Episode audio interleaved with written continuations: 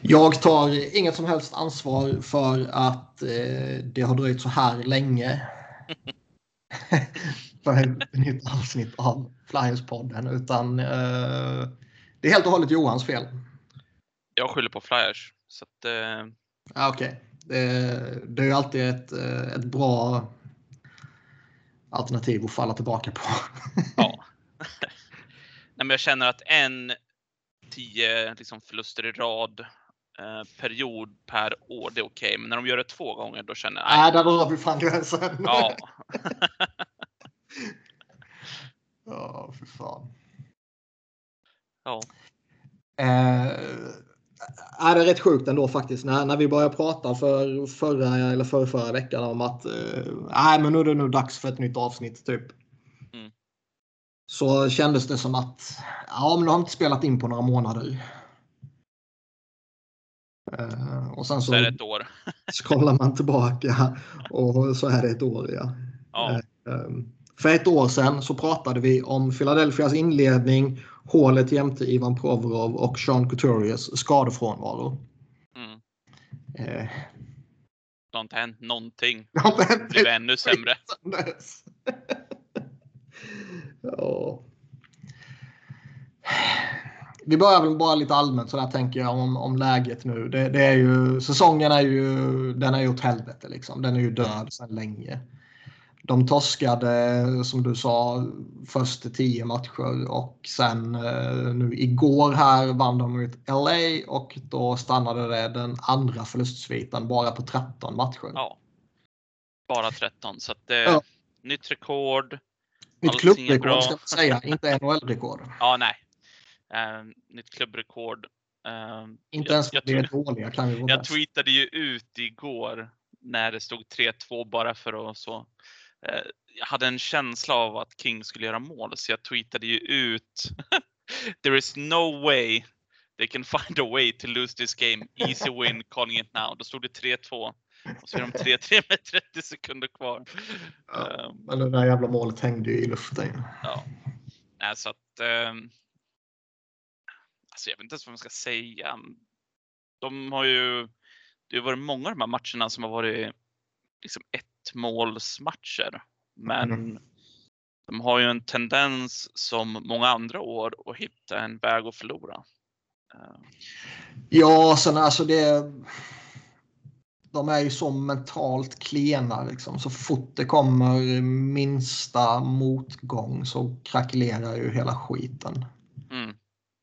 Och det kan man väl knappt förklara med något annat än liksom mental skörhet. Typ. Mm. Eller just självförtroende. Men beroende på hur man definierar sakerna kan ju det vara samma sak. Det, det, det är så konstigt för att de spelade så pass mycket bättre innan om man säger covid eh, breaket som blev mm. par år sedan nu. Och man tänker fan nu är de ju på gång. Eh, men sen de kom tillbaka från det så har det bara blivit sämre och sämre och sämre och sämre och det är i princip samma spelare. Eh, nu i år har man ju bytt in med Ryan Ellis och lite sånt där som tyvärr blev skadad direkt och så ja. Ehm, jag, jag vet inte. Det, man tappar ju. Man blir ju galen på riktigt. När man Om man inte redan var det så har man blivit den andra säsongen. Ja, ja. Jag vet inte ens vad jag ska säga. Nej, men alltså det är ju någonting är ju djupt fel inom hela organisationen. Eh, alla de här förändringarna man gjorde i somras, det plockades in massvis med eh, ledare och föredömen och allt sånt här som skulle se till att något liknande inte upprepades. Det roterades ut och det roterades in och, och liksom som du sa, Ellis och Atkinson och Ristolainen och eh, Brassard kanske man kan inkludera där. Nate Thompson kan man väl inkludera där liksom. Och mm. Det skulle komma in en ny, en ny klick ledare som skulle komplementera den, eh, den befintliga eller den kvarvarande snarare. Liksom. Och det har ju mm trots allt det så har man ju bara upplevt samma jävla skit igen. Ja, jag hade velat man ser hur de hade gjort om de inte hade fått alla skador och eh, covid och grejer. För att en, jag tycker ju ändå Atkinson har varit bra. Det går inte att klaga på. Den traden eh, går inte att klaga på. Den har varit bra. Den har varit bra för alla fyra parter. Båda ja. lagen och båda spelarna skulle jag säga. Eh, jag tycker att Brassard såg bra ut. Han, ju, han spelade ju med, som jag kommer ihåg rätt, det var ju Faraby och var det Connectney? I andra kedjan. Såg jättebra ut i början. Mm. Um, men han gick ju också sönder. Um, Ellis fyra matcher. Såg ju bra ut, självklart, men det är ju för lite sample mm. size. Um, men ja, det, sen efter, om man ser början när de hade, jag kommer inte ihåg eh, deras inledning, men det var väl något sånt där 10 vinster, 6 förluster eller något sånt där. Eh, så har det ju sett skräp ut också på isen. Ja. Det var ju lite som föregående säsong också att eh, resultatmässigt så inledde man bra eller kanske till och med mm. övertygande.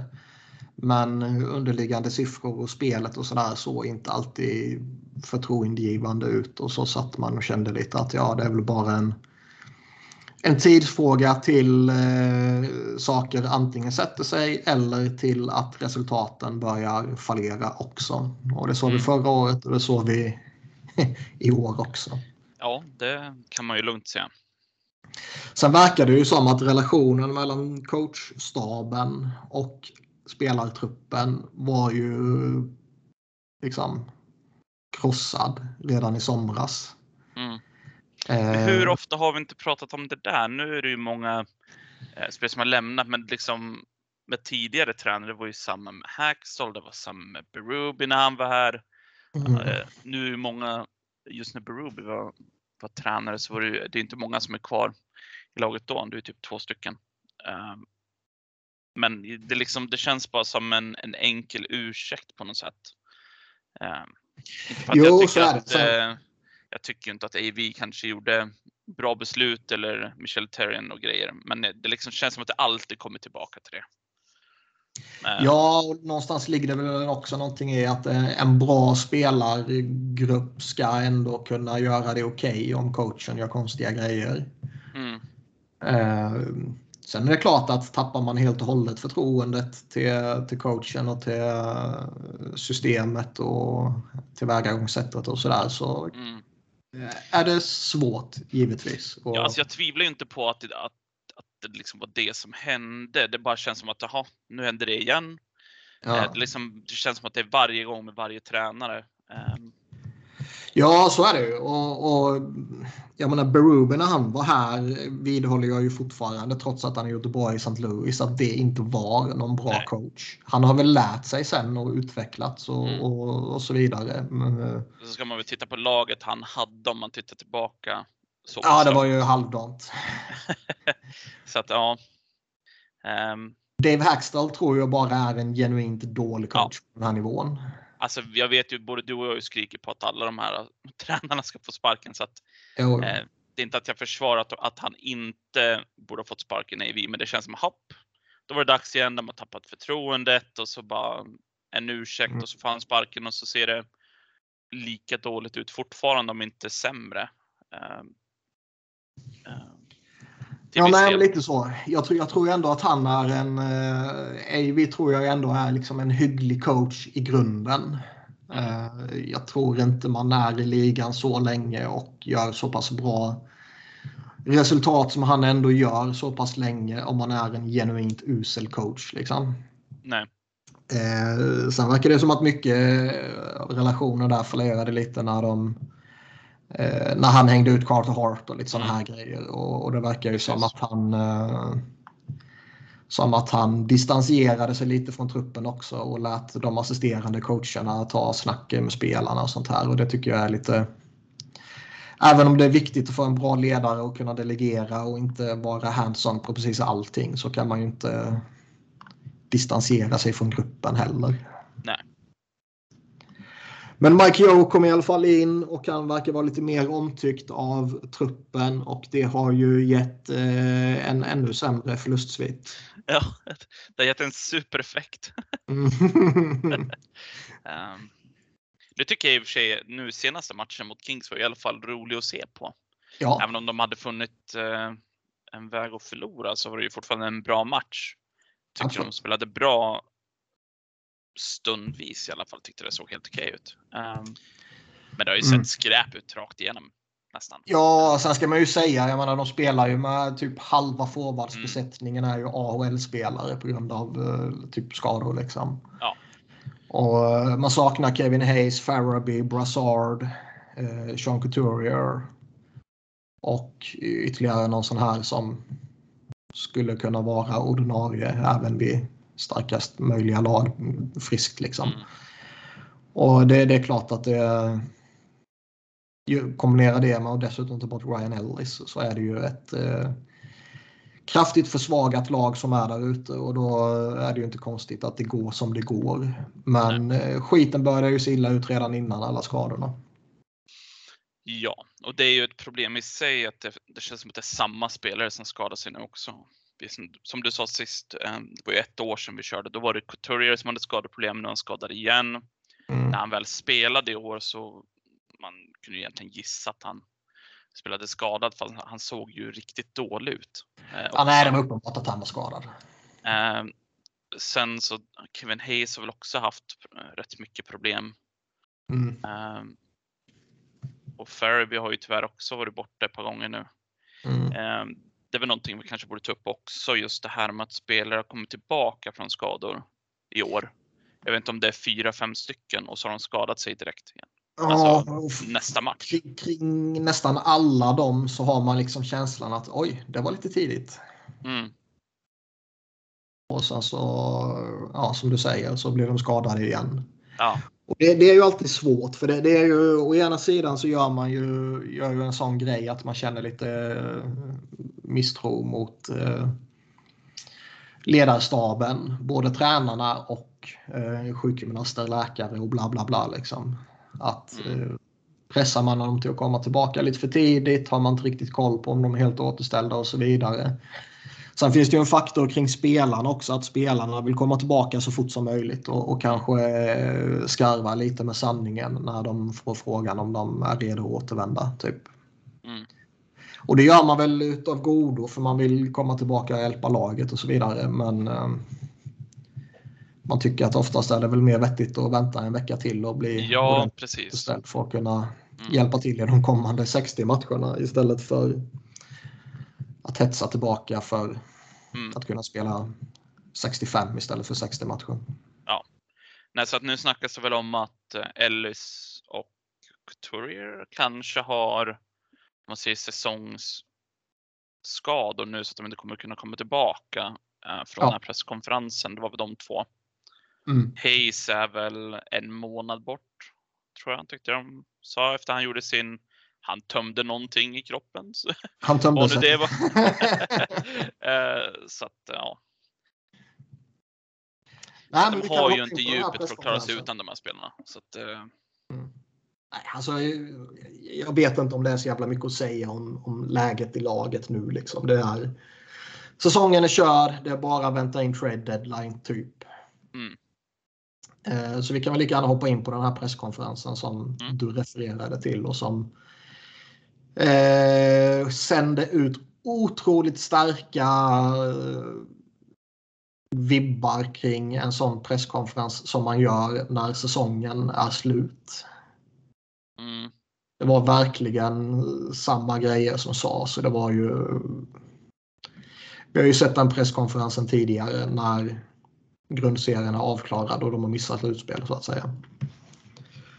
Men eh, en sak som kom fram var ju det här som, som vi nämnde redan att eh, Couturier och Ellis förmodligen inte kommer spela med denna säsongen och det är ju det rätta beslutet givetvis. Det är helt meningslöst att stressa fram någonting nu. Det enda som är av betydelse är ju att de är redo till kommande säsong. Mm. Och det indikerar väl också det som kanske var den absolut största grejen som kom fram att de eh, med eh, all tydlighet kommunicerade att vi ska inte gå in i en rebuild på 3 till 5 år eller 3 till 4 år eller exakt vilka årtal de nu använder utan de ska retoola över, över sommaren och eh, fortsätta försöka vara competitive till nästa säsong. Då. Det går ju att debattera om det är rätt beslut men det kan nog, ja. om det fortsätter som det gjort nu senaste åren så kommer de ju hamna där även om Ändå. de det.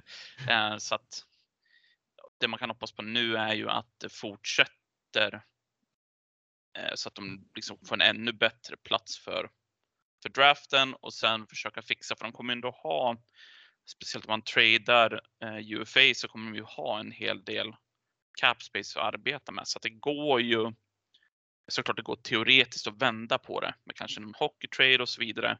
Mm. Um, och sen måste man få in rätt tränare och sådär, men det känns ju osannolikt för att jag tror ju inte på Chuck Fletchers, om man säger vision för laget längre. Man har ju bevisat egentligen ingenting för att man ska ge en förtroende, men det återstår att se.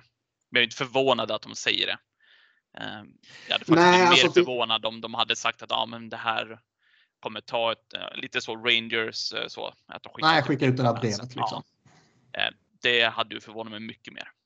Om det hade kommit. Nej, jag förväntade när, när, när de kallade till den här presskonferensen och det var liksom typ Chuck Fletcher kallar till presskonferens. Han ska ha en sån här State of the Season presskonferens typ. Då var det ju uppenbart att okej, okay, han kommer fortsätta förtroende.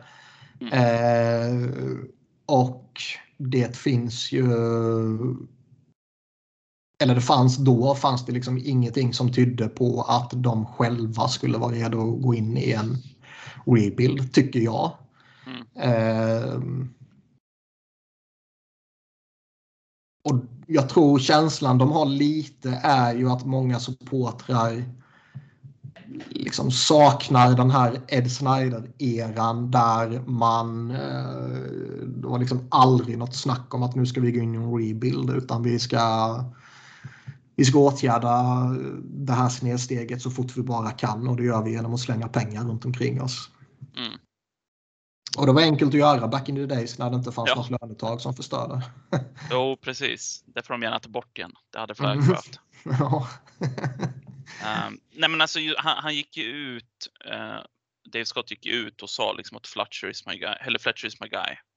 Mm. Uh, fast han sa väl right now också, så jag vet inte vad man ska man ska läsa något vidare på det eller om det bara var någonting som, som han sa. Um... Nej, det, det gav väl i alla fall intrycket att uh, ingenting kommer ju ske den närmsta tiden i alla fall. Nej. Men uh... säg att, att Chuck Fletcher fuckar upp fullkomligt under säsongen och inte lyckas trada iväg uh, tillgångar vid deadline och så skiter det sig fullkomligt liksom. Då kanske han ryker till sommaren. Mm det, det, som jag tycker är lite intressant är att de håller ju på och groomar Breer i, liksom i bakgrunden och har gjort nu i flera år. Mm. Så att det känns ju som att det egentligen bara är en tidsfråga innan det blir lite som när, när Hextall kom tillbaka efter att ha vunnit som assisterande i Kings. Mm. Så kom han liksom tillbaka i organisationen och så var det i princip som ett, att de hade lovat att ja, han skulle ta över då. Uh, ja, exakt. Så det känns väl, jag får i alla fall lite, lite liknande vibbar med Breer fast han inte har varit iväg så att säga i någon annan organisation fast det var ju nära det med Habs. Så att jag tror när de fick en liten väckarklocka där att okej, okay, det kommer andra lag som, som vill ha honom och det är väl ingen direkt nyhet att, att alla i Flyers organisationen eh, älskar Breer. Så att det känns som det bara är en tidsfråga. Frågan är ju när. Ja. Och det vore ju stor lipservice mot supportrarna också att lyfta upp den mm. i Breer i en uh, oavsett om det är liksom GM eller om det är någon annan roll men bara det blir en en officiell roll för nu är det ju lite flytande sådär. Han, han är ju uh, tydligen är han ju med på alla stora möten och så här som som har varit de, eh, de senaste åren tolkade jag Chuck Fletcher som. Eh, han har scoutat lite när det kommer inför någon draft, scoutat någon liga lite så här och han har eh, hjälpt till nere i Phantoms vid något tillfälle. Han hjälpt till lite kring Flyers vid något tillfälle och så här och är ju eh, han är ju anställd inom Comcast med tanke på att Comcast äger eh, vad heter de? Maine, Maine, Mariners. Och det är ju inte Flyers ECHL-lag men det är ändå Comcast som äger det så han är liksom anställd via organisationen ändå. Eh, så det är därför han, han är inne i, i svängen så att säga. Mm. Det har ju snackats lite eh, på Twitter hur de skulle kunna göra det. Eh, eftersom man fortfarande liksom, han har ju liksom ingen erfarenhet eller liknande utan då är det att de flyttar upp Fletcher i ungefär samma som Penguins har det med, med Hextall och Burke. Ja, Eh, eller Montreal nu med ja. Gorton. Så att det är inte att de sparkar Fletcher utan de sätter honom ett steg högre och så sätter man Breer som GM. Det är väl, jag kallar dem det, president of Hockey Ops. eh, Mm. Som man redan har den titeln men att han släpper då GM-titeln till Breer. Ja. Och sen om det är rätt eller fel, men det hade varit intressant. Jag kan, eh, det, det, det kanske är lite för tidigt att göra det redan nu. För, Mm. för, alltså in, inte för att jag kanske tycker det är för tidigt utan kanske eh, de själva tycker kanske det är lite för tidigt.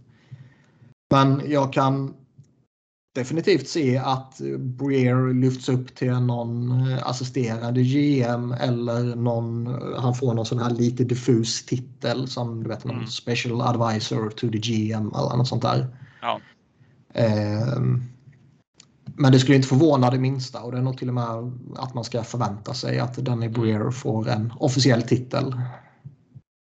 Och inte bara Precis. är en snubbe i som hänger med. mm, och det, det tror jag många supportrar skulle gilla. Det, det är ändå en extremt likable spelare och personlighet. ja, Och det, som sagt, det skulle vara lite lip service. Man, eh, man ger supportrarna någon de tycker om och så kanske man hoppas att det ska kunna få folk att lugna ner sig lite. Såg Eh. du, såg du matchen mot Kings? Oh ja. De gav ju ut ehm, eh, ja, men de, sen prisgrej till, eh, till Jandal och så presenterade de eh, Fletcher och så bara hörde Mm. man fansen bua. Ja, fy fan vad jag garvade. Jag tyckte det var så kul. ja nej, men alltså. eh, Vi, vi snackade ju lite, eller chattade lite gjorde, gjorde vi när vi började snacka om att nu måste vi fan spela in igen. Liksom. Och så kom vi in och började snacka lite flyers och sådär i allmänt. Liksom. Och jag har ju under en tid varit lite sådär tudelad till Fletcher till om han ska vara kvar eller sparkas. Liksom. Du vill ju hänga Mm. honom direkt. Men jag som är lite mer sympatisk och, och liksom the voice of reason. Ja, precis. eh, har varit lite sådär, alltså jag tycker ändå första säsongen han kom eh, då gjorde han ju det som alla ville att han skulle göra. Han rensade ut både rosten och, och skickade Dave Haxtell åt helvete och så här liksom. Och inför första säsongen så ja, han gick efter Niskanen och, och Braun och Hayes till eh, visserligen dyra priser men det satte sig ju liksom. Braun har ju Braun varit bra, så den, den bra. traden kan man inte säga någonting om. Nej, jag, jag ska faktiskt var ju- försvara han. Jag, Ja. det, det går inte att klandra honom för alla skador som har varit nu. Det är, det är helt random. Eh, Det som, om det inte är så att liksom ansvaret ligger på uh, tränarstaben. Och i tränarstaben inkluderar jag ju då alla sjukgymnaster och läkare och ja, Jim McCrossin och allt vad det är. Då, då, då är det ju i slutändan Chuck Fletchers ansvar.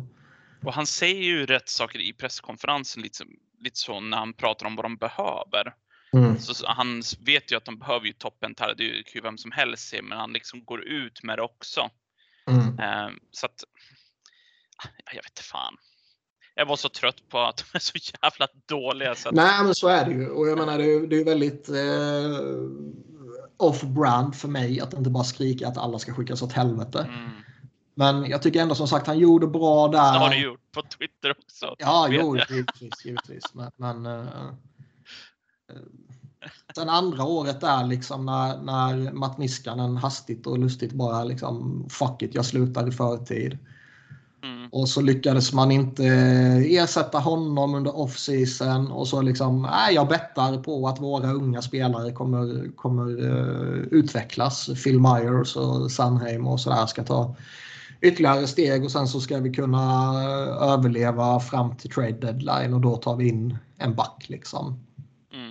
Jag tyckte inte det var orimligt att, att ha de förhoppningarna där och då. Sen slog det tillbaka.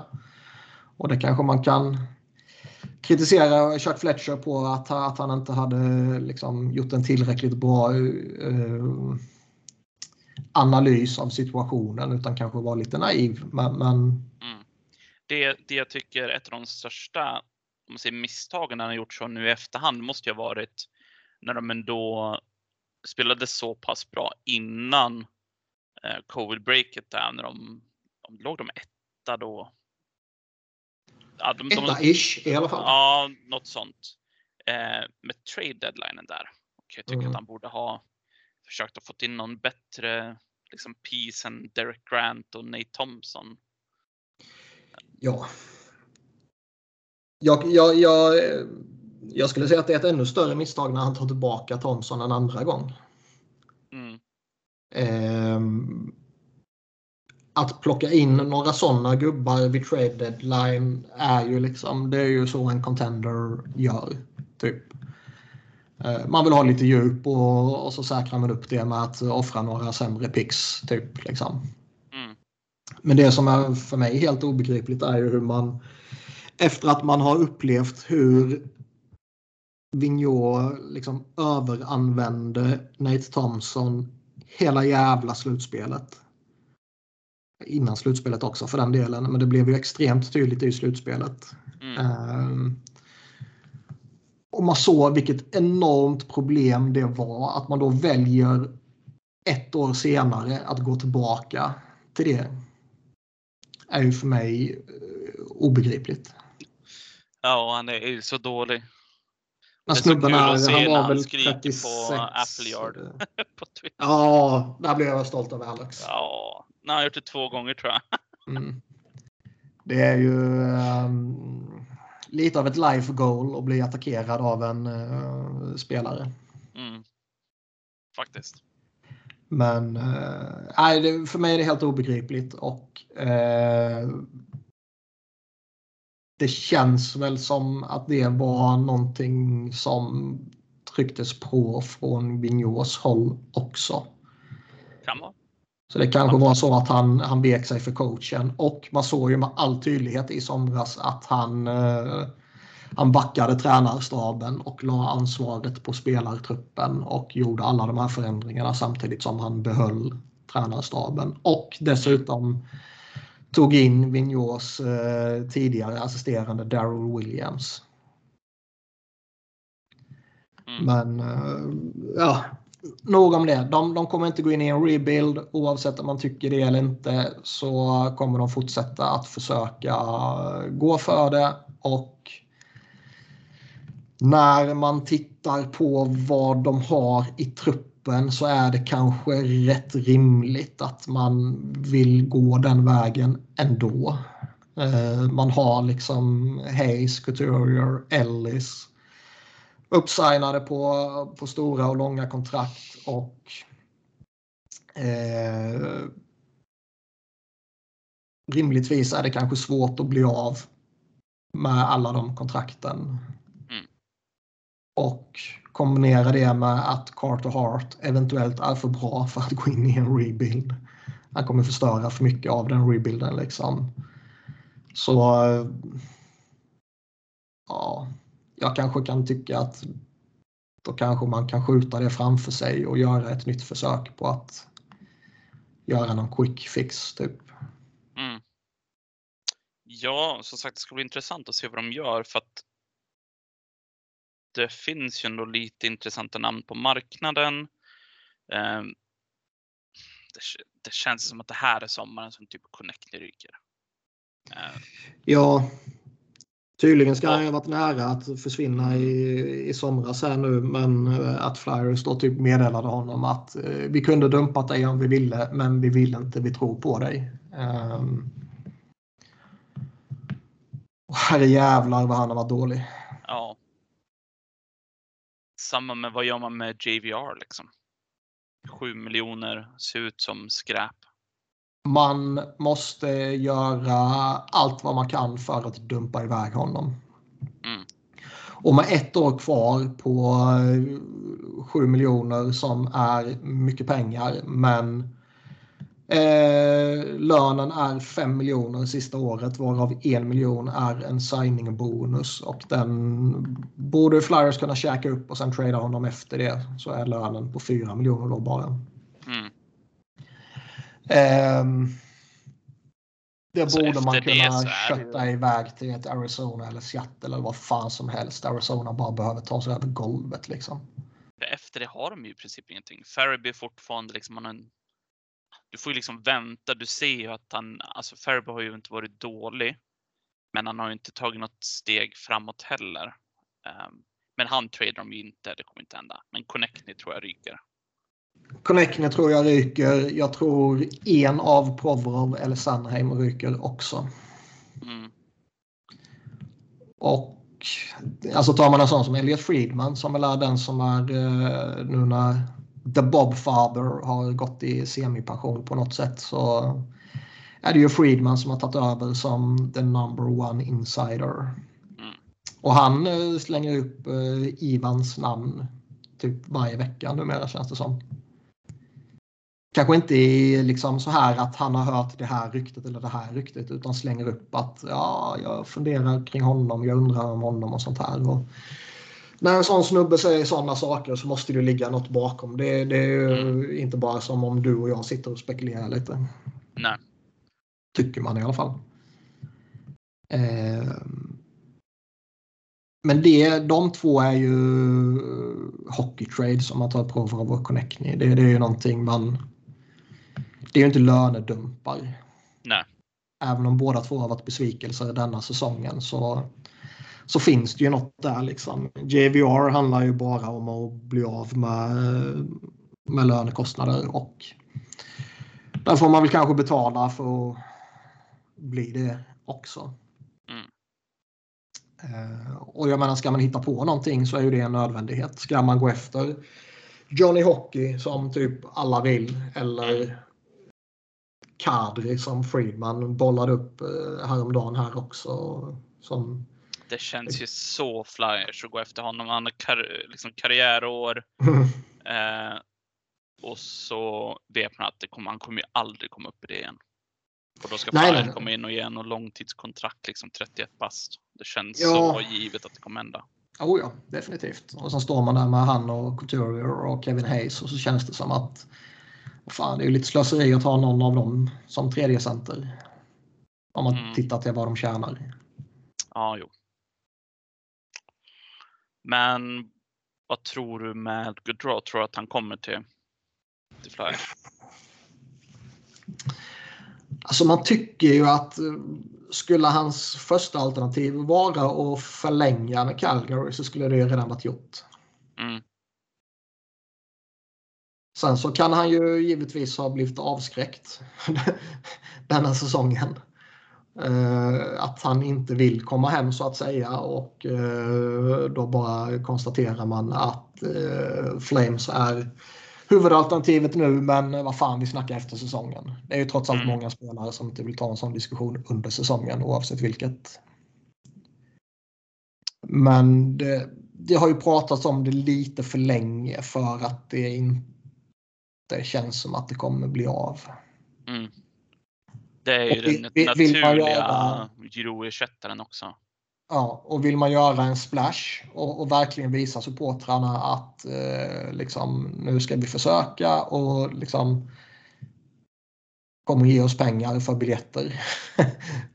så eh, är ju det en värvning som sannolikt skulle ge en sån effekt.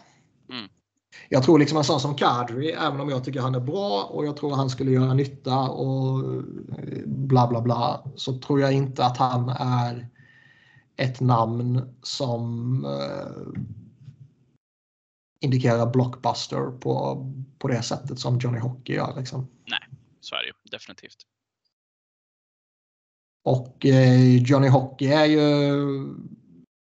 Han är ju vad Flyers behöver. De behöver ju en flashig jävel som eh, kan hota. Mm. Där är ju... Claude Giroux är ju fortfarande en jävla bra spelare men han är ju inte riktigt det längre nu när han blivit lite äldre. Nej. Eh, de behöver ju en, en sån som typ det var ju lite snack om att de kanske skulle försöka med Tarasenko. Eh, han har ju lite samma kvaliteter, känns det som. Eh, nu känns väl det som att det tåget har gått. Ja, han gör väl jättebra ifrån sig i St. Louis. Nu tittar jag inte mycket Ja, han är ju Blues, på men på eh, i alla fall. ja, Eh, utan det, sen visst, man vet väl aldrig vad som händer till sommaren. Han kanske fortfarande vill bort från St. Louis och då tar man rygg på, på det ryktet igen. Men äh, Johnny Hockey, fan, man kan nästan räkna in honom känns det som. det känns ju som att de på någon, något typ av eh, sätt har liksom fått fram ett meddelande till Johnny Hockey att vill du komma Ja. hem så det är bara du väntar till sommaren. Ja, det, det är garanterat någon jävel i, i Flyers organisation som är polare med hans farsa som Ja. verkar vara lite av en lokal profil på något sätt ju. Mm. Bobby Clark känner ju honom eller Paul Ja. Holmgren känner honom eller någonting och då bollar man ju upp det. Utan att- 100 procent att de har gjort Ja. det på något sånt sätt. Ja, garanterat. Mm. Ehm. och sen Det är just, att det är just det de behöver också. Just för att de kommer ju... Alltså jag kan inte tänka mig att Giroud stannar. Alltså det... Alltså man vet ju aldrig. Vi, vi, vi ser ju ändå lite titt som tätt att, eh, att typ trygghet och familjen Mm, är så jävla mycket mer betydelsefullt än eh, en ynka liten Stanley Cup-buckla. mm, Ehm, han har två ungar, han fick precis den andra. Liksom. De verkar vara rotade och trivas i Philadelphia. Och allt vad det innebär. Och, ja, då kanske man väljer att stanna. Och, även om det är en jävla kaosorganisation. För att familjen trivs och har det bra där. Eh, det skulle ju inte förvåna. Eh, Nej, fast ändå. Jag vet fan. Det har ju snackats varje år. Att liksom, vad är Giroux största grej? Liksom, det är liksom hur competitive han är som person. Mm. Mm. Så det känns som att han skulle i princip ge upp den drömmen att vinna. Inte för att, alltså det är inte att han ger upp, ger upp, men alltså du förstår vad jag menar.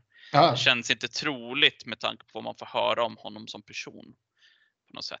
Um, Nej, jag hade inte klandra honom heller. Liksom. Det är ju, han har ju varit det hela sin karriär. Eh, jag vill ju, alltså egentligen vill jag ju inte trada honom, men med tanke på liksom vart de är som lag så är ju det rätta beslutet från Flyers sida. Alltså all, allting handlar ju om, om vad han själv vill. Säger han att eh, nej, jag vill stanna.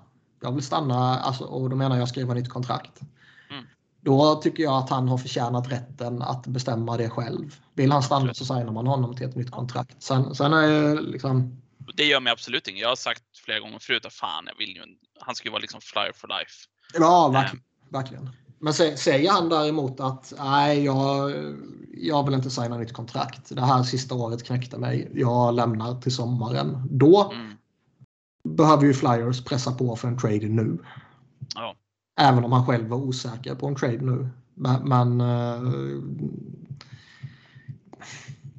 Det har väl kommit ut också att han kommer ju prata med sin agent nu under All-Star breaket här. Ja, eh, som ja. kommer, när det är nästa, nästa vecka eller något. ja, den helgen som kommer nu tror jag.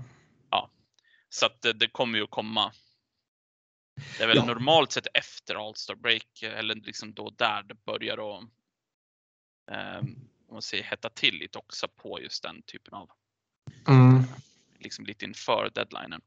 Nu är ju deadline lite senare än vanligt också känns det som eftersom det ursprungligen låg ett OS-uppehåll Mm. i februari. Så nu är ju trade deadline är ju framåt. Jag tror det är typ 21 mars eller något sånt där. Ja. Eh, så det är ju fortfarande, alltså vi är, fan, vi är bara typ halvvägs in i säsongen. Det är helt absurt. Ja. Men, men eh, vad man gör med Euro, alltså allting avgörs ju vad han själv vill. Och, Mm. eh, vill han bort, vilket inte känns orimligt på något sätt. Nej. Så är det ju rimligtvis för att jaga kuppen och sen till sommaren så kanske han tar ett mer vad beslutar om liksom, var vill vi bo de kommande tre åren.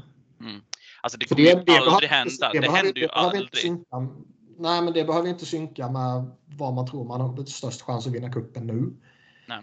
Nu kanske han vill till Colorado, men eh, han kanske inte vill bo där de kommande tre åren.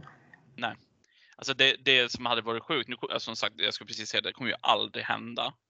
Men det, det förvånar mig ändå lite att det inte, jag vet inte ens om det har hänt någon gång, det kanske det har. Eh, att en spelare, vi säger Giroud, han blir, han säger ja men jag wavar, jag blir tradad till Colorado så gör de en deal. Eh, och sen på sommaren så signar han med Flyers igen. Ja, nej, man hoppas ju att eh, alltså det är väl bästa möjliga scenario. Ja, att skicka Det honom ju aldrig, men det hade ju varit sjukt. Ja.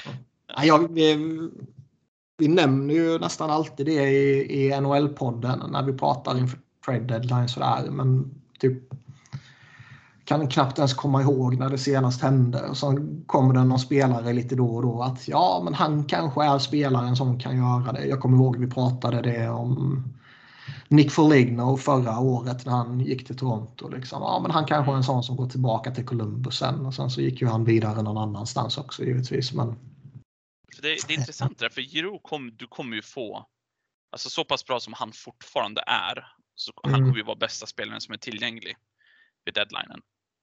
Ehm, Ja, förmodligen. Man kan väl se typ en Pavelski tror jag kommer vara jävla eftertraktad om han Ja. är tillgänglig. I och för sig. Men Dallas är fortfarande med i kampen. Ehm, ja, okej då. då. Då är det väl de två. Jag tänkte inte på Pavelski.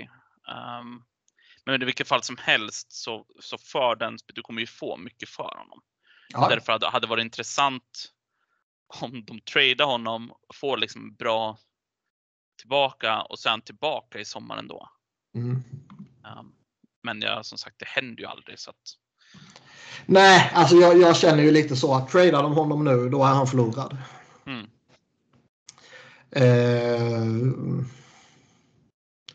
och det är ju sorgligt. Samtidigt så, jag menar, skickar man iväg honom så kommer du ju rimligtvis kunna få en eh, riktigt bra prospect. För jag tror första valet man kommer få är ju ett väldigt sent första val i så fall. mm, Så jag är ju nästan mer inne på att försöka hitta en riktigt bra prospect. Och pratar man lite Colorado och sådär så eh, man skulle ju ligga på för Newhook men frågan är hur eh, aktuellt det är. Liksom Bowen Byram är ju inte aktuellt överhuvudtaget. Och då kanske man får gå ner på en sån som eh, Justin Barron som en bra backtalang. Eh, Drew Hellison en annan bra backtalang. Så det är kanske någon av de två man får sikta in sig på. Och en sån som Barron, en högfattad back, är ju något som attraherar en. mm. Eh, Ja,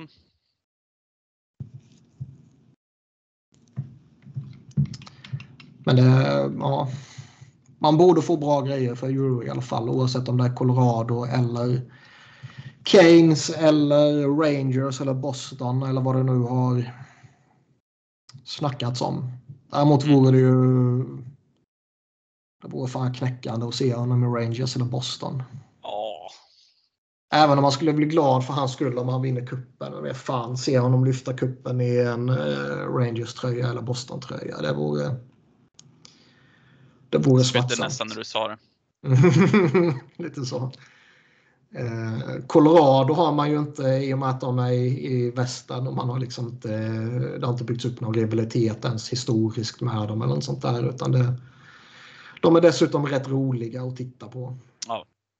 Eh, det känns ju väldigt lämpligt. Minnesota har det pratats lite om också. Och de är väl i ett läge där de eh, typ behöver satsa nu för sen så har de ju satt sig själva i en jävla konstig sits i och med utköpen av Suter och Parise. Så från och med nästa år och fram ytterligare två eller tre år har de ju massvis med död kapp så det är typ nu de behöver gå för det. Mm. Ja, alltså jag hade väl klart det hade gjort, hade gjort ont att trada honom till Rainers eller Boston, men jag hade bara tagit bästa erbjudandet. Eh, helt ärligt. Jo, så är det väl. Boston tycker jag inte har jättemycket intressant när man sitter och tittar på vad som finns tillgängligt. Rangers har ju en uppsjö av talanger. Jag tror ju inte man kan hoppas på en Lafreniere eller eh, eh, tappar jag namnet, vad fan heter finländaren? Kakko.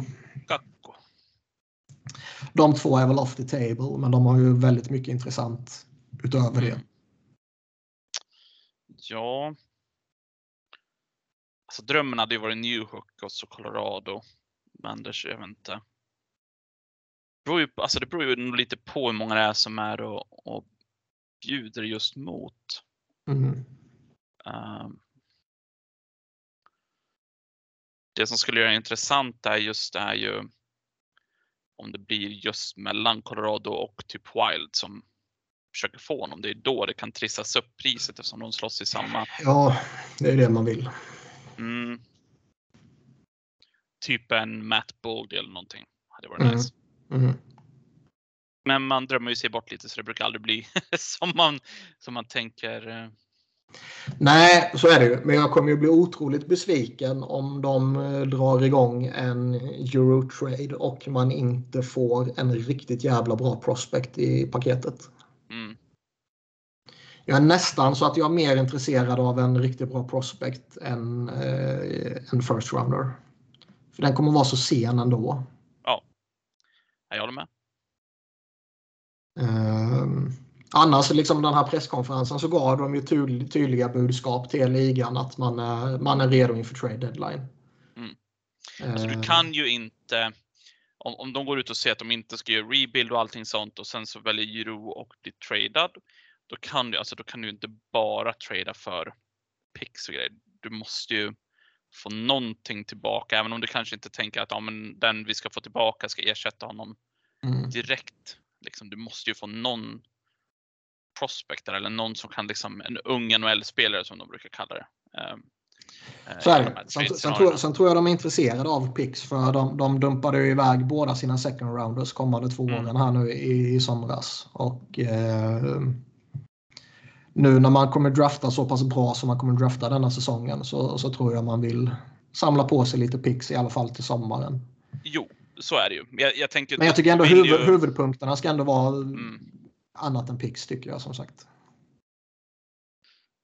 Ja, ja, det ska bli... ehm, För det, fin, det finns ju alltså Claude Giroux är ju den stora spelaren såklart. Och eh, eh, drygt 8 miljoner är ju kanske inte möjligt att trada. Men retainar man hälften så är det ju klart mycket mer hanterbart. Och får man dessutom ett tredje lag till att ta ytterligare 25 procent så att man kommer ner till 2, någonting för Claude Giroux så är det ju snuskigt Ja, bra för vad han bidrar med.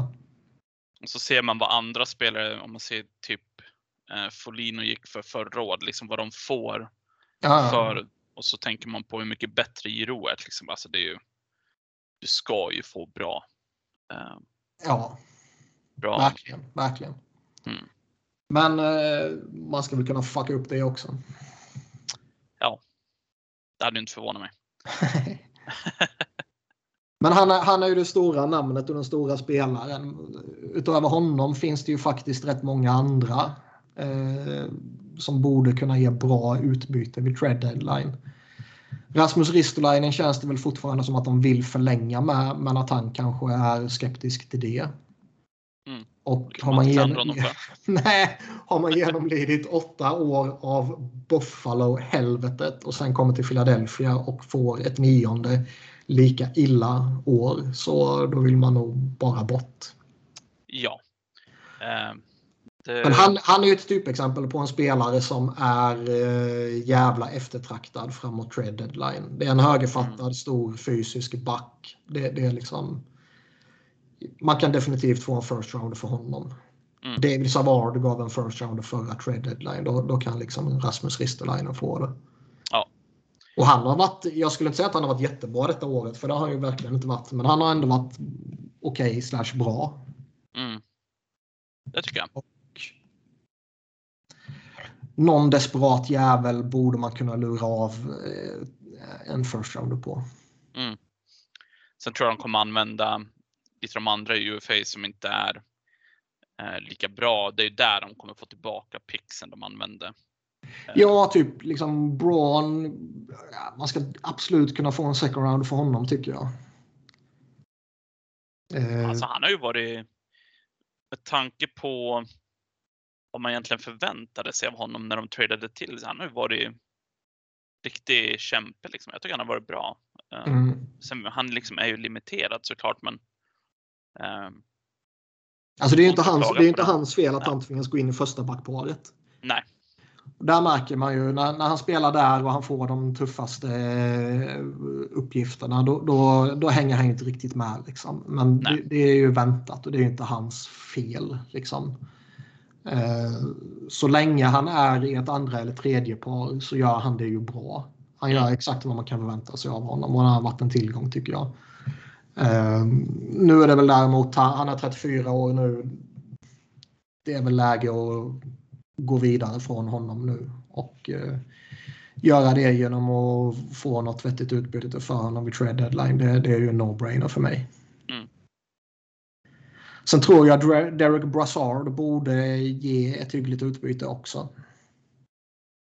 Han är billig som fan. Han eh, har visserligen haft skadeproblem nu men har varit okej denna säsongen i helhet och eh, typexempel på en spelare som lagen kommer vilja plocka in för lite djup. Mm. Där borde man kunna få något bra. Jag tror man kan få något jävla pick eller någon halvdan prospect eller något sånt där för liksom Keith Yandel eller eh, vad heter han, Martin Jones typ. Man har ju lite i alla fall som man kan få tillbaka lite mid-round picks och grejer. Ja. Eh, och så har du de två stora piecesna som beroende på vad Giro vill göra så du kan ju få rätt mycket där. Eh, även om vi säger att de inte skulle få någon super prospect eller så för, för med Giro så kanske de får mer på pick-sidan. Det är ju liksom fortfarande kapital du kan använda. ja, du kan använda det i en vidare trade eller någonting. Ja. Och det, det känns ju som att man, man kan nog se fram emot en, eh, en omfattande retooling igen. Mm. Uh, som vi var inne på så Connecting, Provorov, Sunheim, eh, JVR. Jag tror inte de kommer behålla Frost heller. Nej. Och nu menar jag inte att alla de kommer skickas iväg men det är liksom de det kommer surras om. Mm. Eh, jag menar bara genom att typ tappa Euro och tappa Ristolainen, Braun och lite sånt här. Bara det gör ju att man kommer behöva plocka in massa nytt. Ja. Men eh, jag tror utöver utöver JVR så tror jag eh, inte att de här veteranerna på stora kontrakt eh, är trade-aktuella. Alltså Nej. Hayes, Ellis, Couturier, Atkinson. Av lite olika anledningar. Någon för att man vill behålla dem. Jag tror inte det är aktuellt att trada Couturier överhuvudtaget för att man vill behålla honom och han är Mm. fortfarande jättebra. Liksom. Jag tror inte man vill trada Cam Atkinson. Han har varit viktig och jättebra. Jag tror eh, att eh, Ryan Ellis vill man nog inte släppa. Liksom. Och eh, skulle man vilja det så är väl frågan om man kanske kan det också. Tror jag Med inte. tanke Jag på vilken inte. säsong han kommer ifrån. Ja, nej, jag tror inte ens du kan trada honom. Nej. Kevin Hayes eh, är nog svårt också. Mm. Så de har man väl av olika anledningar kan man nog räkna in dem, känns det som. Ja, jag håller med. Och då är det de andra man har att välja på. Och där kan man nog förvänta sig grejer. Och då är ju frågan om Chuck Fletcher är rätt man för det. Som sagt, jag är lite tudelad. Jag tycker han har ändå, liksom, det han gjorde tidigare, ändå grejer han liksom, sålde in till mig, så att säga, Mm. eller som jag tyckte var bra. Och, eh, jag tycker att å ena sidan kanske man kan lite smått argumentera för att ja, men kan, kan man liksom ge honom en, en chans igen? Ja, det kan man. Å andra sidan så eh, är det han som har översett de senaste årens brutala kaos. Mm. Och då är det just Och- det där, vi står där nästa år igen och så bara fan. Ja. Men då är frågan, alltså, så- säg att man skulle göra sig av med honom oavsett om det är nu eller om det är om ett år. Så eh, känns det ju som att Comcast och Flyers inte är en organisation som kommer ta sikte på någon ny spännande förmåga utan då kommer man recycla någon gubbe som har gjort det tidigare. Det är jag redan inställd på. Så att, Ja, eh, absolut, det tror jag också. Och det är ju därför, det är ju, alltså det är som jag sa tidigare, det är bara en tidsfråga innan Breer är GM. ja, Och det är liksom for good or bad, det, det är bara så Flyers har fungerat genom all tid. Så att, eh, ja, och det finns ju en viss charm i det och det finns en viss förbannelse i det. Och, eh, man hoppades ju att Ron Hextall skulle vara något form av det perfekta mellantinget. mm, Där han är en del av Flyers alum, alumni. Och han är någon som kommer utifrån efter att ha varit var det 10 typ år tror jag i eh, LA och eh, seglat upp som eh, alltså han, han var ju en av de stora framtidsnamnen mm, som GM och han var dessutom en flyer så det var ju det perfekta. Ja. Och sen så kom han in och eh, så gick det åt helvete av olika anledningar. mm. Men eh, ja, man ska nog kunna förvänta sig något. Någonting med Danny Boy. Ja, det känns ju som det. Har vi något mer vi tog med oss från eh, presskonferensen annars? Um, sitter och funderar på vad de sa. Det, alltså det väl, man förväntar sig så lite från de här presskonferenserna. Ehm, Jag tycker ändå det kom fram lite mer än vad man hade förväntat sig. Ja. Eh, att, eh, jag vet, det är, det är folk som är besvikna typ för att Fletcher och Scott inte går dit och firar av eh, den eh, liksom ena salvan efter den andra. Men det kommer de inte göra. Liksom. De kommer inte gå Nej. dit och säga att nu ska vi riva ner hela skiten och trada alla. Liksom. nej, det går Eh. ju inte att göra så heller. Utan det, Mm, man får lov att läsa liksom mellan raderna. ja. Och där som sagt, de, de, skickar ju tydliga budskap till ligan att vi är open for business. Vi, Mm. alltså, redan nu eller framförallt framåt trade deadline och av cap-anledningar så är det väl främst framåt trade deadline som det kommer bli aktuellt. Liksom. Ja. Man visade också med all jävla tydlighet till ligan och till eh, spelare inför sommaren att man är redo för business. Eh, Allt med att Chuck Fletcher har fått en blank check till att vi ska satsa och grejer. Och det känns ju som att många gör sig lustiga över liksom att ja, men det, det är helt meningslöst att ge honom en blank check eftersom det finns ett lönetak. Men det är det ju inte. nej, De, det de rika klubbarna kan göra är ju att eh, bygga upp ett, eh, en organisation som är så oerhört mycket bättre än alla andra. Det, tyckte jag var lite intressant med att de, hade, de pratade lite om att, hur mycket de hade ökat liksom runt omkring Mm. organisationen. Mm. De hade liksom mer än dubblat sa de och då tänker jag vad, vad fan har de gjort innan? ja, det var, kan man också tänka. Eh, så att det är många. Eh, för det var ju det liksom alla tänkte på när Hextall var bara fan han är ju bra på att drafta. Vi har massa prospects. De var väl liksom nummer ett på så här, listor, typ vilka som Ja. helst. Prospect pool och ja, lite allt möjligt. Och så bara en efter en nu så är det liksom ingen som slår igenom så att säga. Sen har man ju såklart eh, de som är i laget just nu som fortfarande är NHL-spelare men som inte eh, varit i närheten att nå den potentialen som man tänkte eller som man hoppades på. Då. Nej, men jag menar det är väl Farabee och Hart. Eh, Man tänker man tänker, typ Connectny, Provorov och lite sådär och sen eh, ett par första rundor som liksom inte har slått in med typ Patrick. Som en, enligt och- Bobby Clark inte kommer spela överhuvudtaget. Ja. Och frågan är ju hur mycket av det här att de inte riktigt har tagit nästa steg eller sånt eller eh, kanske till och med de i andra rundor eller liknande.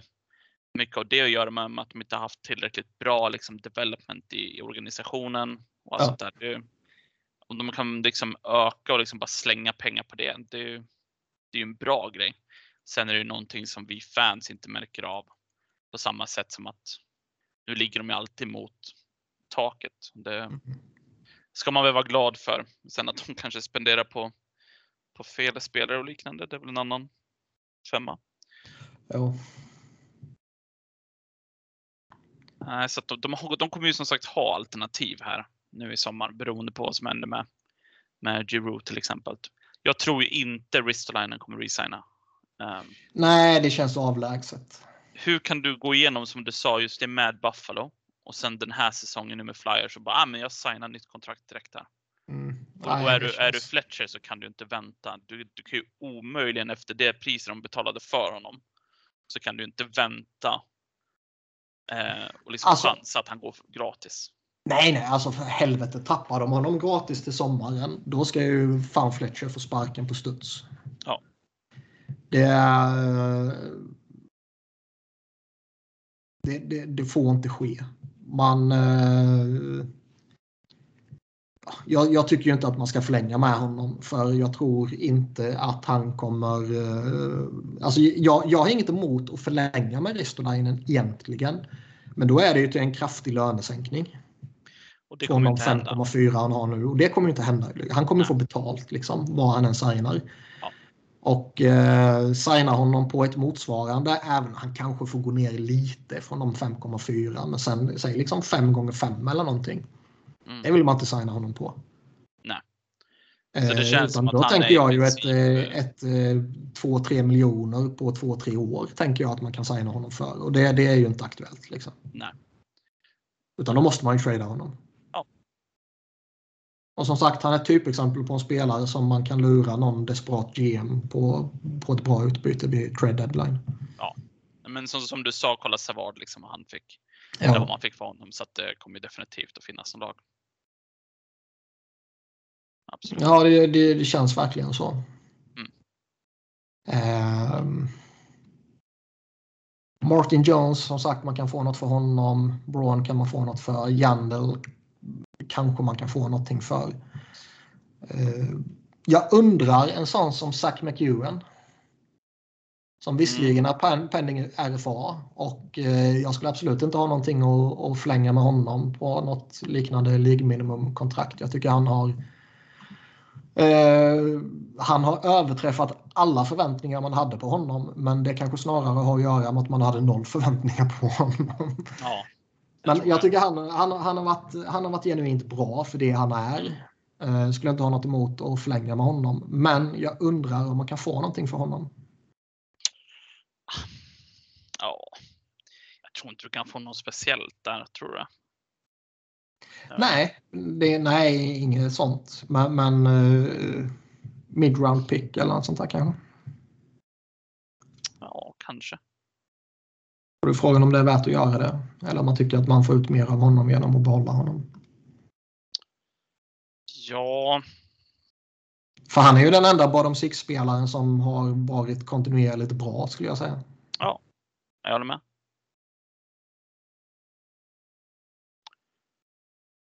jag tror inte de kommer trada honom just för att han, han pratade lite Fletcher just på presskonferensen om att de behöver liksom ha lite mer liksom bigger bodies också. Och då är det ett lätt sätt att ha honom som liksom du vet exakt vad du får varje. Inte att du får något super, men liksom han gör sitt jobb liksom. Mm. Um, kanske kan få någonting med.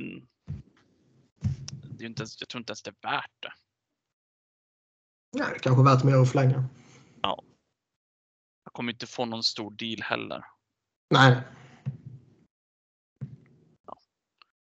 Vilket som det spelar egentligen ingen roll för min del. så känner jag egentligen med de flesta spelarna just nu i det här laget. Man är inte så. Nej, men så är det. Jag menar, jag menar, det räcker ju bara att gå tillbaka ett år egentligen, eller ett halvår snarare till, till förra uh, sommaren. Och så var det ändå många spelare som man inte ville skiljas åt. Alltså, mm. Jag ville inte släppa Connectney. Jag ville nog inte släppa Provorov. Liksom. Och Drew absolut inte. Och Couture absolut inte. Och Carter Hart inte. Mm. Och, och, så vidare. Liksom Faraby och sådär.